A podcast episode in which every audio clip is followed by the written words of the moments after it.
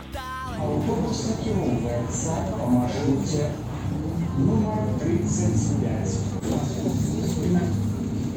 Плошча Савецкая. Добрый дзень шаноўнае спадарства гэта падкаст утульны горад а мяне зовут даша і сёння мы з вами пагаворым пра тое без чаго нельга ўявіць сучасныя гарады пра установы грамадскага харчавання калі я была яшчэ зусім малая паход у рэстаран ці яшчэ куды-небудзь быў сапраўдным святам нельга было сабе ўявіць што людзі просто так без ніякай нагоды будуць заходзіць у рэстаран і замаўляць там нешта. Але з цягам часу з'явіліся новыя фарматы, як то кавярні, дзе за невялікія грошы можна ўзяць сабе капучына ці латы. З'явіліся фастфуды, дзе можна хуценька перахапіць які бургер. І нават бедныя студэнты сталі частымі наведнікамі усякіх кавярняў і рэстарацый. Але нельга сказаць, што з цягам часу у мяне не засталося аніякіх прэтэнзій да гродзенскіх устаноў грамадскага харчавання. Па-першае, чаго мне не хапае, дык гэта прасторы ў гэтых кавярнях. Неяк так склалася, што ў нас у гродна пераважна маленечкія кавярні на 4-5 столікаў і ў выходныя цалкам распаўсюджаная сітуацыя, калі ты з сяброўкай заходзіш у одну кавярню, у другую, трэцюю, пятую, дзясятую, нідзе няма месца. Па-другое, калі казаць непасрэдна пра каву, для аматараў спешл цікавы вось такім зернем ці вось з другім зернем. Не так і шмат магчымасцяў нешта на свой асабісты густ знайсці ўгродна. Наколькі я разумею, пераважна усе уладальнікі замаўляюць адзін сорт кавы і з гэтай самай кавы варыцца ўсё, што толькі можа варыцца. Ну і апошняя моя прэтэнзія гэта напэўна тое, што ёсць адчуванне быццам бы няма нічога новага. То бок такую сітуацыю, калі апойдзем у суботу вось у гэты экзатычны рэстаран паспрабуем там нешта такое эдакае, немагчыма ўявіць угродна, бо ўсё стандартнае ўсё гэта мы ўжо спрабавалі то бок разнастайнасці мне асабіста не хапае але мае ўражанне ад тэхніч шматлікіх рэстарацый што я у свой час угродна наведвала недастаткова каб рабіць выснову аб усёй індустрыі таму я запрасіла сапраўдных экспертаў два маладыя хлопцы якія ў звычайным жыцці займаюцца усякімі маркетынгавымі піяраўскімі штукамі а у вольны ад працы час робяць агляды на гродзенскія рэстарацыі завуцца камандай блога гроднаезд Привет, я Андрей, это Вова. Всем привет. И мы — это проект «Гродноезд». Что, где и почем едят в Гродно. И всегда не хватает по соотношению цена-качество, что прям наестся. Вообще безвкусно. Нет, смотрите, я откусил курицу. Карамелька прям дополняет это ощущение. Он достаточно нежный. Сейчас шоколадик еще попробую.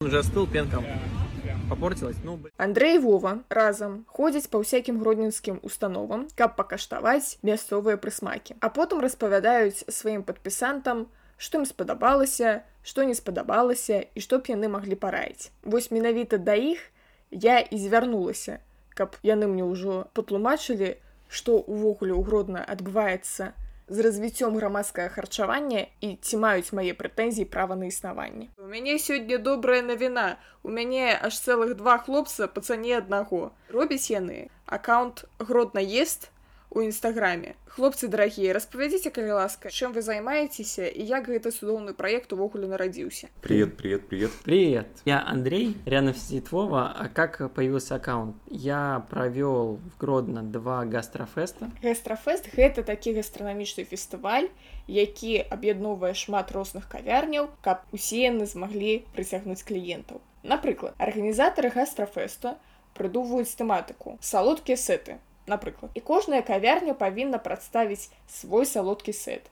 Нейкі фірмовы торцік з нейкай там фірмовай гарбаткай. І патэнцыйныя кліенты якія бачаць гэтую рэкламу на кожным стаўпе да яшчэ бачыць што гэты торцік з гарбатай прадаецца значна танней чым ён бы прадаваўся ў звычайныя дні бяруць ногі ў руки і імчацца ва ўсе магчымыя кавярні каб у кожнай паспець паспрабаваць той салодкі сет вядома ж фестываль ён абмежаваны па часе так за тыдзень людзі абыходзяць цікавыя для іх кавярні і дазнаюцца што у гэтай кавярні смачныя торцікі і файная гарбата і ўвогуле там утульна і становяцца пастаяннымі кліентамі вось такія маркетынгавыя прышпілы але нават калі людзі не застануцца сталымі кліентамі усё адно калі да вас прыходзіць за тыдзень вось такі натоўп і масава купляе той торцік з гарбатай вы даволі шмат зарабляеце такая матэматыка Провел в Гродно два гастрофеста. Первый был Да. гастротрип, второй пикник-фест.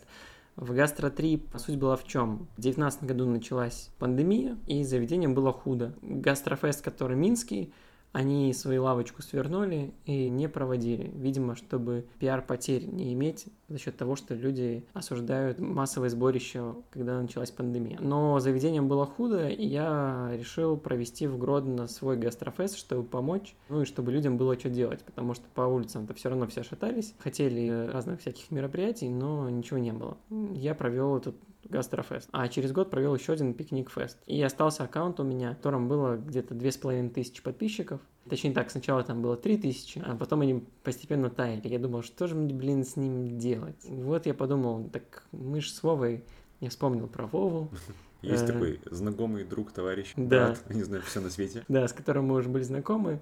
Я знал, что Вова занимается тем, что ведет аккаунты предпринимателей различного рода, вот занимается SMM. И я подумал, мы же можем с ним вести, в принципе-то, на аудиторию, которая уже любит поесть, вести э, фудблог. Вот про Гродно и про гродненскую еду. И вот к концу сентября 2021 года появился гродно.ест. слухайте вельмі прыгожая гісторыя па-першае я знайшла чалавека які адказны за распаўсюд заразы у двадцатым годзе па-першае па-другое распавядзі мне калі ласка што значыць я правёў гастрафеста просто такі хачу гастрафест правесці напісаў усім рэстаранам кшталту го гастрафест як гэта было Ну, примерно так и было, но только я разработал концепцию. Например, гастрофест, который был первый, это гастротрип. Концепция была в том, чтобы, когда границы закрыты, можно было попробовать кухни разных народов мира. И составил список заведений, которые в Гродно представляют кухни разных народов мира.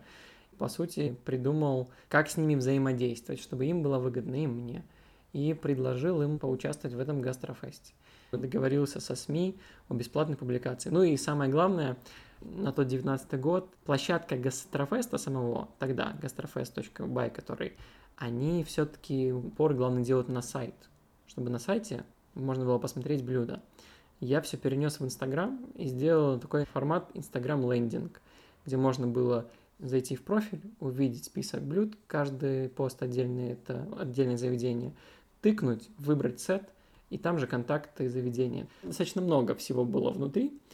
Короче, была такая карта с заведениями Гродно, где можно было ходить в заведение, если ты ел сет, тебе клеили наклеечку, и в конце там ты, если собираешь определенное количество наклеек, получаешь скидочки в заведении. А второй уже был, который пикник фест. Там, кстати говоря, если в первом, то кушали в заведениях самих, ну и можно было взять с собой, но это не было принципиально. То второй, который я назвал пикник фест в 2020 году, там уже концепт в том, чтобы брать с собой как раз-таки и не есть в заведении.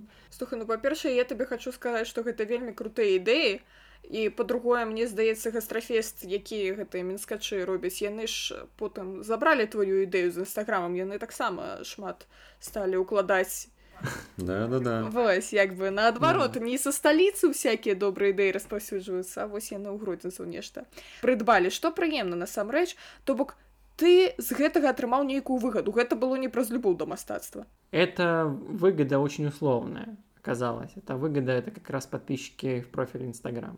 то бок больш на ўласнай ініцыятыве мне так здаецца Да. Три тысячи это хорошо.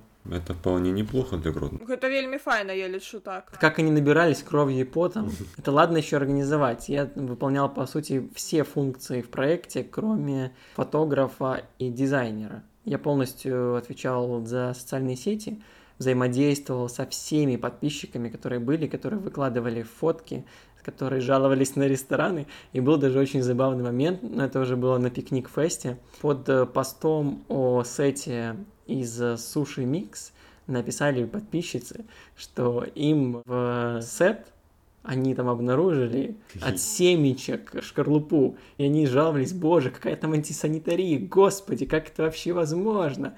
А я начинаю с ними взаимодействовать. Ну, то есть они говорят, присылают фотки с восклицательными знаками, капслоком, вот это вот все, да? Я пишу, вот, человек, который с Суши Миксом в тот момент со мной контактировал, и она мне говорит, что в чем-то суть. Это не то, что у них э, на кухне шкарлупу скидывают. Нет, просто микрозелень, она растет в том числе в такой шкарлупке. Очень редко, но бывает, что и не заметили, она осталась.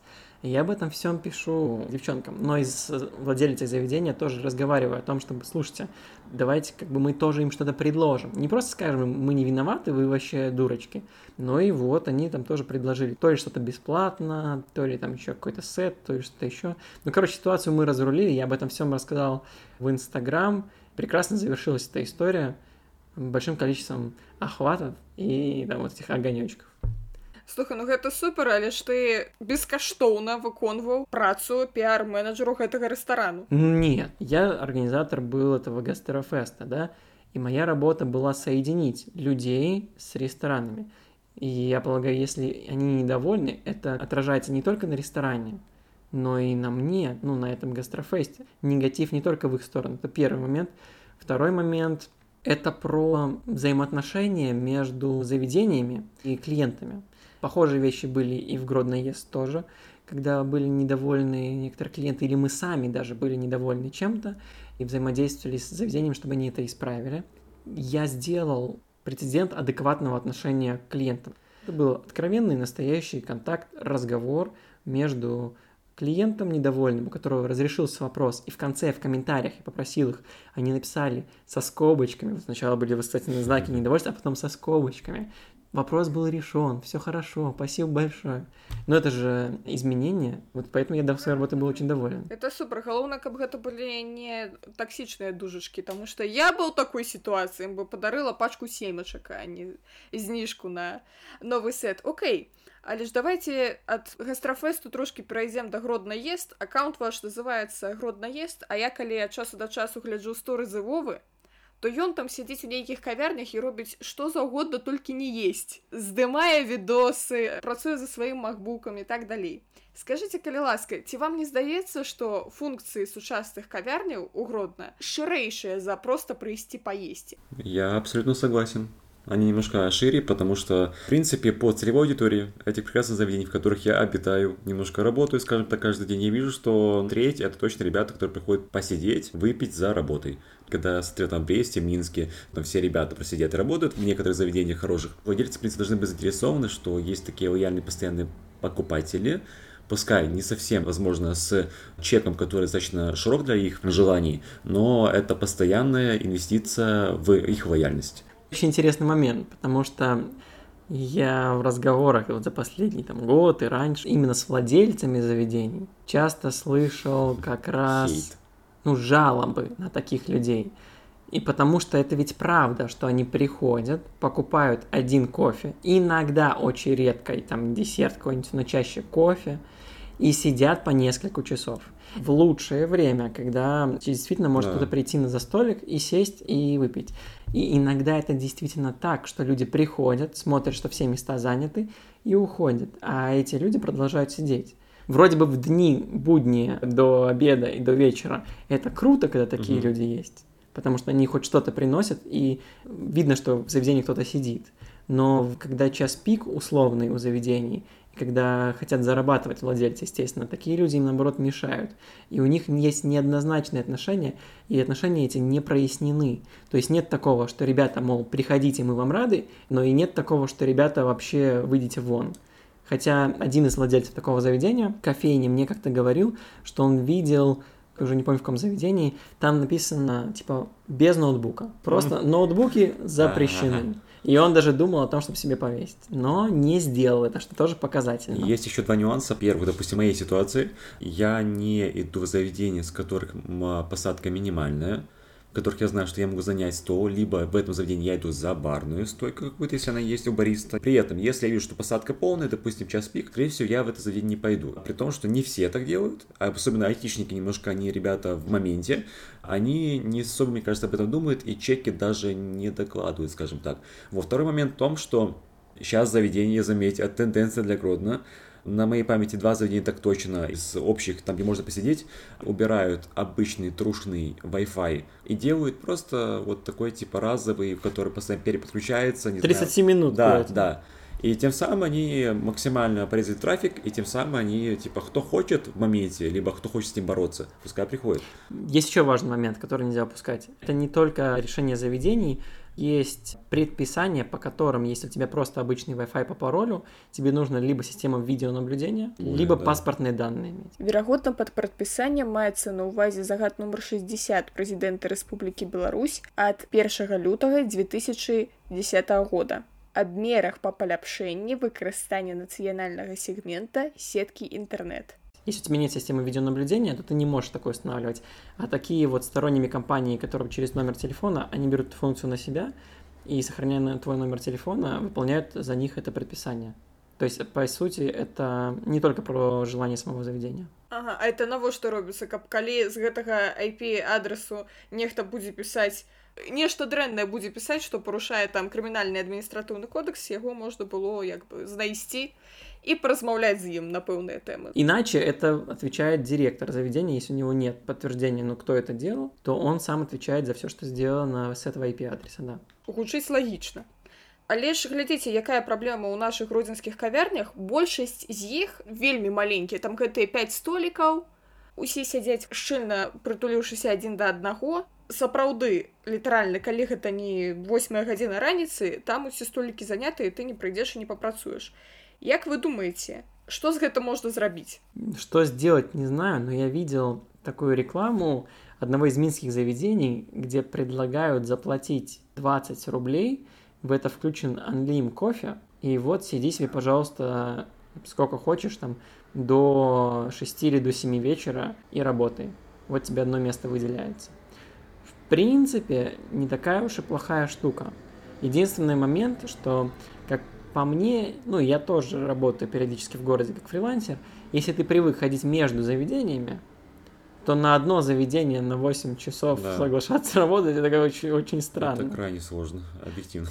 Единственный, который вариант мне приходит, что условно могла бы быть сеть заведений, которые договорились Да. между собой, какой-то абонемент, и они вот делят между собой бабки. Но опять же, у кого-то будет все время много, допустим, этих фрилансеров, остальные будут как-то зарабатывать. Э, Это, знаешь, представляется как подписка, как на Яндекс Музыку или Да, Apple да. Music. То есть, чем больше тебя, твою музыку слушали, тем больше ты сам получишь процентов с этой подписки, как музыкант. По крайней мере, в Минске есть коворкинги и тайм-кафе. Тайм-кафе таксама вядомыя як антыкафе. Гэта такія установы, якія прапануюць вам плаціць за час там праведзены і прапануюць працоўнае месца, а яшчэ ад часу да часу напою, ежу і іншыя прышпілы. І сядзіце там, працуйце, пакуль грошы не скончацца. в которых также сдают места именно, чтобы поработать. У нас в Гродно... Пока что не развито. Только при банках есть, по-моему, коворкинг. Пока у нас такое не развито, говорить, что такое будет, не приходится. И тайм-кафе там в Гродно было два, они не сработали. Я даже помню еще один коворкинг, который был в самом центре, в целом не- неплохом месте, но он проработал очень недолго. И там ребята, по сути, сделали себе офис с возможностью еще вот кому-то в их офисе работать, снимая, арендуя место. В универе удобно работать. А Жешка на втором Да. этаже, да, Вход когда туда. есть пропуск, там удобно работать. А других мест трудно представить. Еще есть, кстати, Мгм. можно в большом буфете, там, в принципе, много розеток и очень много Посадка мест. большая. Очень большая посадка. Вот там еще может быть удобно работать. Вы глядзіце, я ўсё параўноўваю з вільняй. Віленскія кавярні, Асабліва сеткавыя, яны досыць вялікавыя. Там, мне здаецца, пасадкавых месцаў у кожнай кавярні прыблізна як адзін зал большога буфету. І гэта цалкам нармальная сітуацыя, што туды людзі прыходзяць і сядзяць гадзінамі, і ніхто на іх крыва не глядзіць.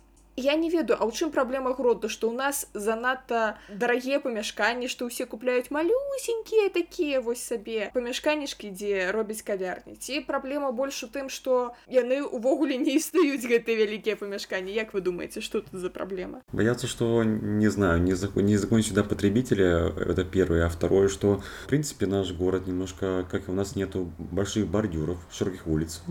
И у нас все узенько, и узенькие есть такие же кофейни, уютненько, это вписывается в тему колорита. Но есть еще один важный момент. Я не так давно вернулся с Минска, и в Минске был на Малиновке и на Петровщине. В принципе, в Минске, когда новый район проектируется, ну, там первые этажи отводятся под э, заведение сразу. Да. В Гродно новострой, если есть, то это типа альшанки и девятовки. Это просто, по сути, человейники, в которых очень редко отводится даже на первых этажах хоть что-то под магазины. То есть, ну, Гродно жилстрой, Гродно там промстрой, кто там, они так строят. А здесь каждый подъезд, по сути, фактически кофейня. Ну, Да. утрированно. И в Минске в этих новостройках огромное количество Да. кофеин. Варка, там вот все эти ребята. оттуда. Очень много. И еще важный момент – это плотность людей на метр квадратный. Когда в Минске это высотки, это человековейники, то там, конечно, я видел даже вот в одном из домов, возле входа, под крышей подъезда, кофейный аппарат, ну, дом в 20 этажей, это логично, что я иду на работу, там, брошу 2 рубля и получу кофе 3 в одном, Да. и это окупится. Но представить такое в Гродно ну, трудновато. А вот в центр, даже на Советской улице, не все квартиры на первом этаже переведены в нежилой фонд, и не во всех там есть заведения. То есть этот процесс все еще продолжается. Но при этом построилось несколько. Там же, где Одесса Мама, где Троицкая 37. Панкролл, там Троицкая 37, это называется там центр. Да, да, да, у центра. У центра, да. Вот там, конечно, когда спроектировано заранее, когда все коммуникации сделаны, когда помещение готово к тому, чтобы в нем уже было заведение. Это совершенно по-другому, чем покупать квартиру, готовить ее самому, вкладывать огромное количество денег в ремонт, коммуникации. Еще в таких квартирах какая проблема? Ну, если с технической стороны смотреть, это электричество в старых домах даже не хватает объема электричества, выделяемого на одну квартиру, чтобы там просто поставить всю электротехнику. Нужно закладывать время особенно и деньги достаточно немаленькие на то, чтобы с электросетями повзаимодействовать, и они расширили, тебе к дому подвели еще дополнительное электричество. Но вот и возникает вопрос, что условия в Гродно, в центре, такие, что нужно достаточно много вложить даже в маленькую кофейню, чтобы открыть ее в старом доме. Либо ждать, когда будет офисный центр. Но в тех же офисных центрах там или просто в заведениях, как на Троицкой 37, за аренду просят уже не совсем маленькие деньги. И ситуация с- немножко другая получается по сравнению там с Минском и даже с Брестом, где в Бресте идет не районами застройка, а небольших таких офисных центров и просто домов, в которых на первых этажах часто сдают помещения под э, заведения такого рода. У паўднёвым ёсць адзін многакватэрны дом, дзе на першым паверсе салон прыгажосці. Я не ўпэўненая, што ён карыстаецца такім велізарным попытам у жыхарак паўднёвага раёну, што спатрэбіўся аж цэлы салон прыгажосці, і я не ўпэўненая, што ўвесь горад ездзіць там у той салон прыгажосці, каб зрабіць пазнагаточкі. Але ён нейкім чынам існуе уже доўгія гады і халера яго не возьме. Як вы думаеце, што гэта за парадокс такі і чаму з кавярнямі так не працуе? Ноготочки у нас, к сожалению, в тренде, поэтому, к счастью. Любая женщина, на самом деле, это не миф, она что угодно, она будет без денег, без ничего, но она всегда себе сделает ноготочки. Так, вы зараз паглядзі на мае пазнагаточкі, яны А Это, это, исклю- это прекрасное исключение, это прекрасное исключение. уся справа у жанчынах з гэтым больш-менш зразумела. Спрос Да. есть. Спрос есть, Есть и он тоже, большой да. и не удовлетворен. В Беларуси же был бум кофеин, когда появилась вот эта вот разница Кофе ионик в каких-то старых заведениях и кофе либо собственной обжарки, либо у крутого обжарщика купленный, который настоящий. И цена не так сильно отличалась. Второй бум это когда альтернативный кофе, да, там все захотели, вот, пробовать альтернативу. Пад альтэрнатывай звычайна разумеюць альтэрнатыўныя метады заваркі кавы. То бок, калі каву робіць не ў кавамашыне, А, напрыклад, з дапамогай фрэнч-прэсу, кеміксу і усякіх астатніх такіх шкляных імбрыкаў, у якія праз фільтр заліваецца вада і так заварваецца кава.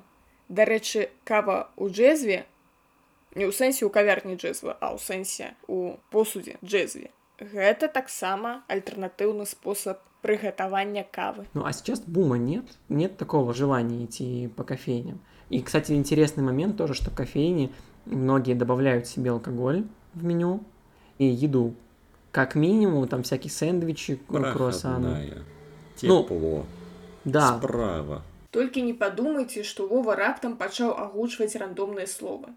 Прахадная цепло і справа гэта назвы гродзенскіх кавярняў. И именно это те кофейни, в которых большая посадка, и в которых, в принципе, она заполняется. Например, та же проходная – это завтраки. Их завтраки, ну, если хочешь куда-то пойти на завтрак, Проходная. перв- проходная. Проходная в первую очередь вспоминается. И у них достаточно крутые завтраки, при том, что у них малюсенькая кухня. Я был на завтраке в Пешкове, ну и скажу, что это несравнимо. Пешков, вы мне простите, вы ресторан, Да. у вас огромная кухня, но я на завтрак буду идти в проходной. Клас, вось вы пачалі рабіць антырэкламу для некаторых рэстарацый. Глядзіце, вы ўжо ўзгадалі такі тренд у беларускім бізнесе, што сталі ў нейкі момант папулярныя кавярні са спешалці кавай і ўсім астатнім. А ці назіралі вы яшчэ якія-кольвек тренды ў развіцці нашых устаноў грамадскага харчавання? Я бы тебе сказал бы, как человек, который постоянно ходит посидеть, а это то, что, как в принципе, открывалась кофейня недавно, новая на Ожешко. Там было два открытия, но было немножко более такое раннее. А Это про то, что формат такого must-have, адаптивный под все дизайн, посадка и про работать, и про посидеть с другом, подругой, и какая-то розеточка одна, какой-то есть Wi-Fi, и немножко дизайн такой лофт, loft style, в принципе, зайдет с большего всем. Это просто такой запрос рынка, это вот угодить всем, это сделать просто типа стильно, аккуратно, просто. Индивидуальности мало. Да. Вот э, как будто бы... Но с другой стороны, некоторые заведения наоборот. Не то, что в индивидуальность. Например, панк-ролл. Они очень индивидуальны, их не скопировать. Но при этом, ну, называется панк-ролл, типа про панк, но такой очень попсовый панк. И очень прикольно, что рядом похожее заведение, очень похожее Одесса Мама. Я вот недавно узнал, я не знал, почему называется Одесса Мама, вообще откуда это Одесса Мама. Оказывается, есть Ростов Папа и Одесса Мама, это два самых были раньше криминальных города, и вот у них такие названия. Получается Одесса Мама, криминальный сленг, тоже очень попсовый. Якобы тема какая-то, якобы есть индивидуальность, но она такая безликая. Но там есть тельняшки, там есть баянист, который, возможно, появится еще. Ну, в Бресте это уже больше такая зафорсилось, но Мгм. Гродно скоро тоже, по идее, должен Но это появиться. тоже такая попса. Да, да. И вот эта вот попса в заведениях, это, мне кажется, тренд. Мне здаецца вы правы як бы з брэндзінгам у нас нейкія траблы вось наконт тых старых кавярняў тая ж кавярня раскоша Вось я не ведаю ці яна сапсавалася з цягам часу ці просто у нас нейкія запыты выраслі да кавярні А знаешь ли ты, например, что вообще роскошь – это государственная кофейня? Поэтому удивляться, что там ходят такие женщинки и говорят такое, так, ну это не то. Но все равно они продержались, у них как- какой дизайн на то время, когда она появилась. Тогда такого вообще в центре ничего не было. так з кавярнямі разабраліся больш-менш як думаеце якіх яшчэ устаноў нам не хапае можа там рэстаран в'етнамскай кухні вы б хацелі бачыць ці кітайскай ці яшчэ якой Может, я бы и хотел много чего видеть. Вопрос в том, кто это будет делать, как это заработает. Это же вопрос денег для владельца заведений. Проще поставить шаурму. еще, знаешь, вот это вопрос технологии приготовления. Много ли в Гродно достаточно классных поваров, чтобы они сделали технологию приготовления блюд? Даже в дорогих заведениях частенько бывают проколы на банальном. Твердый авокадо. Ну да, другого не было на рынке. Ну что у вас тогда это блюдо не сняли? Кажется, просто наши предприниматели девственны в том плане, что они заходят в общепит с заходного варианта кофейня шаурма, и, наверное, не хватает у нас именно тех, кто с опытом и с деньгами может это да, открыть. Есть еще один вопрос. Еще недавно, когда были границы открыты, а Гродно все-таки приграничный город, люди со вкусом и деньгами либо у себя дома готовят, и у них есть и классные кофемашины, и классный кофе, и крутые продукты, которые не могут привозить, в том числе с Польши, с Литвы, либо они ездят туда. А в Гродно лишь несколько заведений, куда они, например, могли бы ходить. И это явно не какие-то кофейни. Возникает вопрос, а если открывать сейчас заведение, то для кого? То есть есть какой-то обыватель, у которого вкус определенного уровня. Он может разбираться в шаурме. Но, например, заметит ли он разницу между салатом айсберг и капустой? Слухай, ну мне здаецца, што калі б гэта ўсё было так песімістычна, то ў нас не з'явіліся б нават рэстараны, якія робяць сушы і ролы, таму што таксама гэта ж рыба і рыс. Што тут такога, не ўсе зразумеюць, так? Не з'явілася б нават тая хінкальная, таму што якія хінкалі, можна пельмені наварыць. Што яшчэ за іх па 4 рубля штукі аддаваць. То бок мне здаецца, гэта просто справа звычкі нейкай то бок появится там рэстаран кітайскай кухні з рысам і курыцай у паніроўцы ну і будуць есці куру з паніроўкай нічога як усе ядуць с одной стороны, действительно, появляется заведение, возможно, появится спрос. А с другой стороны, первые заведения, как раз, которые под какую-то тему открываются, редко выдерживают конкуренцию. А вот те, кто уже на их костях новые заведения выстраивают, вот те обычно уже и зарабатывают. С первыми заведениями, условно, суши. Я, не- я не знаю, кто первый начал суши готовить Гродно. А нет, даже знаю, кто один из Что? первых Ресторан «Лимузин», который сейчас не работает, а был один из лучших ресторанов. Слухай, ну можа ён зачыніўся не праз сушы, а не ведаю. Просто уладальнік атрымаў спадчыну нейкую, з'ехаў на багамы з мільёнам даляраў, не? Не так, не так. Он тут просто перестал пользоваться спросом. Заведение. Кстати, еще один, одно из трендов, что старые заведения гродненские теряют популярность, либо превращаются в заведения для корпоративов, свадеб и именин. Ну вот, вот это, кстати, очень прикольная Ор- тема. Орхидея. там вот Да Верос, Верос шикарная бизнес-модель. Ага. Шикарная. Не заказалов для корпоративов, свадеб, именин. И зарабатывают хорошие Ага. деньги. Хотя вот есть, например, Крон Парк Отель, по идее, он остается на таком высоком достаточно уровне. То есть нужно либо шикарно, либо что-то такое более общее. Але ж калі мы возьмем з той жа кавярні напрыклад той ж допіў якія сябе пазіцыянуюць як там нешта веганскае хіпстарскае і ўсё астатняе здавалася б такая вельмі вузкапрофільная рэч але ж таксама карыстаецца попытам Допио, ну, черт их знает. Там же менялся владелец, продавали. Я бы не сказал, что допио очень популярная точка. ну але ж яна акупалася Ну, слушай, все мы взрослые люди. Есть окупаемость, которая около нуля, есть окупаемость, которая на словах, а есть окупаемость, когда ты зарабатываешь деньги, и тебе незачем это продавать. С окупаемостью заведений большие вопросы вообще сейчас. Тем более, что много людей, в том числе тех же айтишников, которые в Гродно вставляли много денег в заведениях, они поуезжали. И сейчас возникает вопрос, а кто сейчас оставляет в заведениях деньги? И Допио, я думаю, не в числе тех, кто очень хорошо зарабатывает. Да простите меня, Допио. Да. ну калі мне будуць асабістыя паведамленні пісаць іхнія ўладальнікі я да цябе іх перанакірую Да, без проблем. А А может еще быть... на обзор разведем. слухайте а дарэчы наконт абзораў вы за іх грошы бярэце ці наўпрост мы паямо і распавядзем пра вас У нас рубрика есть подгон. Нам предоставляют какую-то еду или что-то на пробу, а мы что хотим, то говорим. То есть мы не берем никаких обязательств перед заведением, что мы скажем, что это вкусно, или там какой-то текст, который нам закидывают. Иногда по приколу, если нам закидывают текст, можем зачитать, сказать, ну еще Ну, проверим. Это такая ирония, скажем больше. Это типа сами вкинули, а вы сами ответите за то, что вы нам дали. У нас килограмм суши, например. Да. Мы такие, ага, конечно. И Андрей достает весы. Проверяем Да, на весах да, да. периодически. Но если суши разваливаются, ну мы это покажем. Если что-то реально невкусно, не потому что не по моему вкусу, а потому что так не должно быть, мы это показываем. Не знаю, там авокадо твердый, прям соевый соус, чисто как вода. Скажем об этом. Окей, ну скажите мне тады як дасведчаныя абзоршчыкі ёсць у вас нейкі топ гродзенскіх месцаў якія вам больш за ўсё падабаюцца Ну, есть. Но он как бы личный свой. Да. Трушный консервативный список, э, топ там 3, топ 5, куда кофе попить, покушать, с девочкой сходить. Мне кажется, классические, э, самые распространенные, популярные по посадке, по меню, по еде, по завтракам заведения, Мгм. куда мы сходим. А потом уже где-то для разнообразия может зайти, допустим, вот я был на обзоре там, он был на обзоре, мы вместе были, и типа мы туда зайдем. так ну зразумела ну куда вы пойдзеце каву піць напрыклад А вот, кстати, очень Вопрос хороший хороший. вопрос. Куда я пойду с женой, например, Ага. Или куда я пойду с другом, чтобы поговорить? Или куда я пойду, когда я хочу посидеть и посмотреть красиво все, что вокруг на летнике? Или куда я пойду именно за кофе? Да. Ну, например, классный дворик мне нравится в.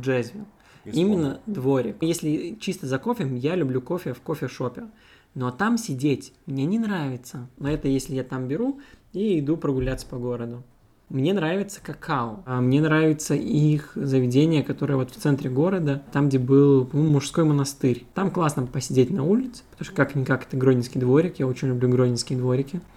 Поработать я любил ходить в просто кофе. И зимой мне там очень нравилось, потому что как Классно. раз зимой там солнце Да, заходит прямо да. перед замком, и там шикарнейший закат. Сейчас там сейчас очень много, я был недавно, знаешь, приводить, типа очень много туристов, тотально много. Но! И прям, Сейчас там офигенно жарко, потому что солнечная сторона а я был в после тени. 12.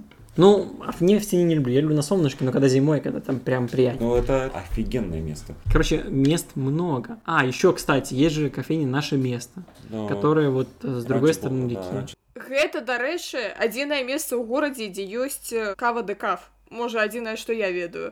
Таму што гэта мой персанальны боль, мне нельга піць каву з кафеінам, і таму я гатова ўсе грошы свету аддаць, каб толькі выпіць каву без кафеіна. У вільні, напрыклад, гэта ў кожнай кавярні сеткавай. А ў нас яшчэ пайдзі знайдзі.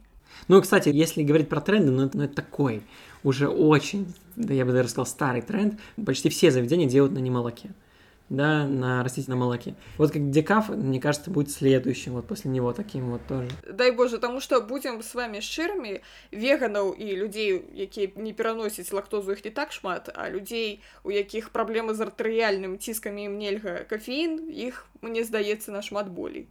Но это же не про людей, которые переносят лактозу или веганов. Это про тренды, потому что, например, молоко растительное – оно есть даже сейчас в магазине Квасовский. Оно есть даже... Ты сказал слово «даже»? Даже в Куполинка магазине. Государственных магазинах. Если даже туда это прошло, то это есть, есть про тренд. То бок каб мне піць каву да каф у любой кавярні я спачатку паведу бухаць вялізныя грошы рэкламную кампанію і распавесці беларусам што Людцы, пейте каву без кофеина, и она такая же, как кава с кофеином, только у вас диск не будет подскокивать, и вы будете спать нормально после ее.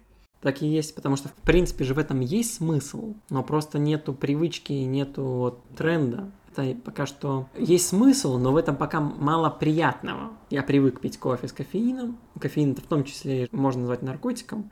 Еще и против себя идти, это странно.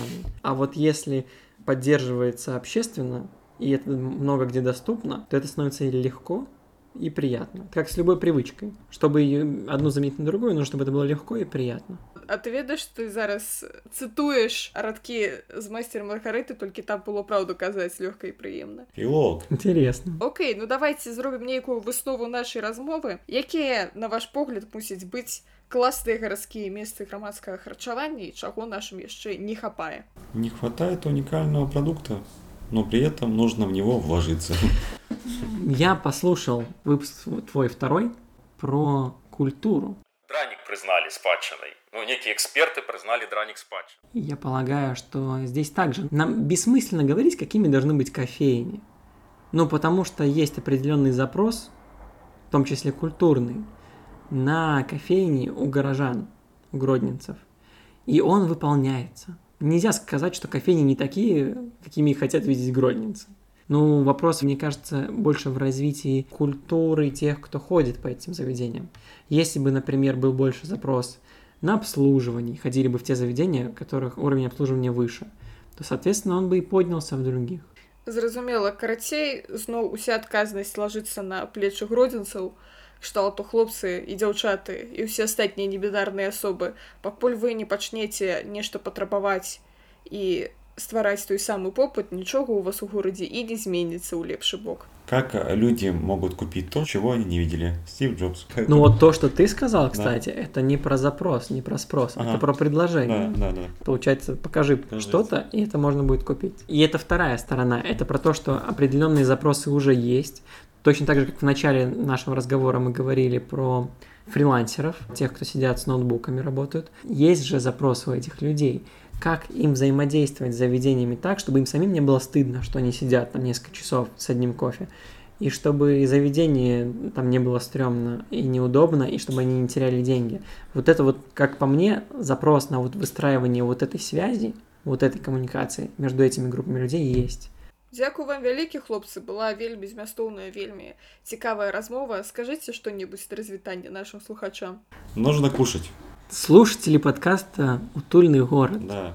вы классные файные хлопцы дзяўчыны я просто очень рад что вы это слушаете значит скорее всего вы хотите чтобы город стал лучше неважно это гродно или это какой-то другой город но хочу вам сказать что если вы действительно хотите например чтобы кофейни стали лучше в вашем городе, слушать подкаст недостаточно. По крайней мере, жалуйтесь в заведениях и требуйте сервис получше, но без грубостей, без капслока восклицательных знаков.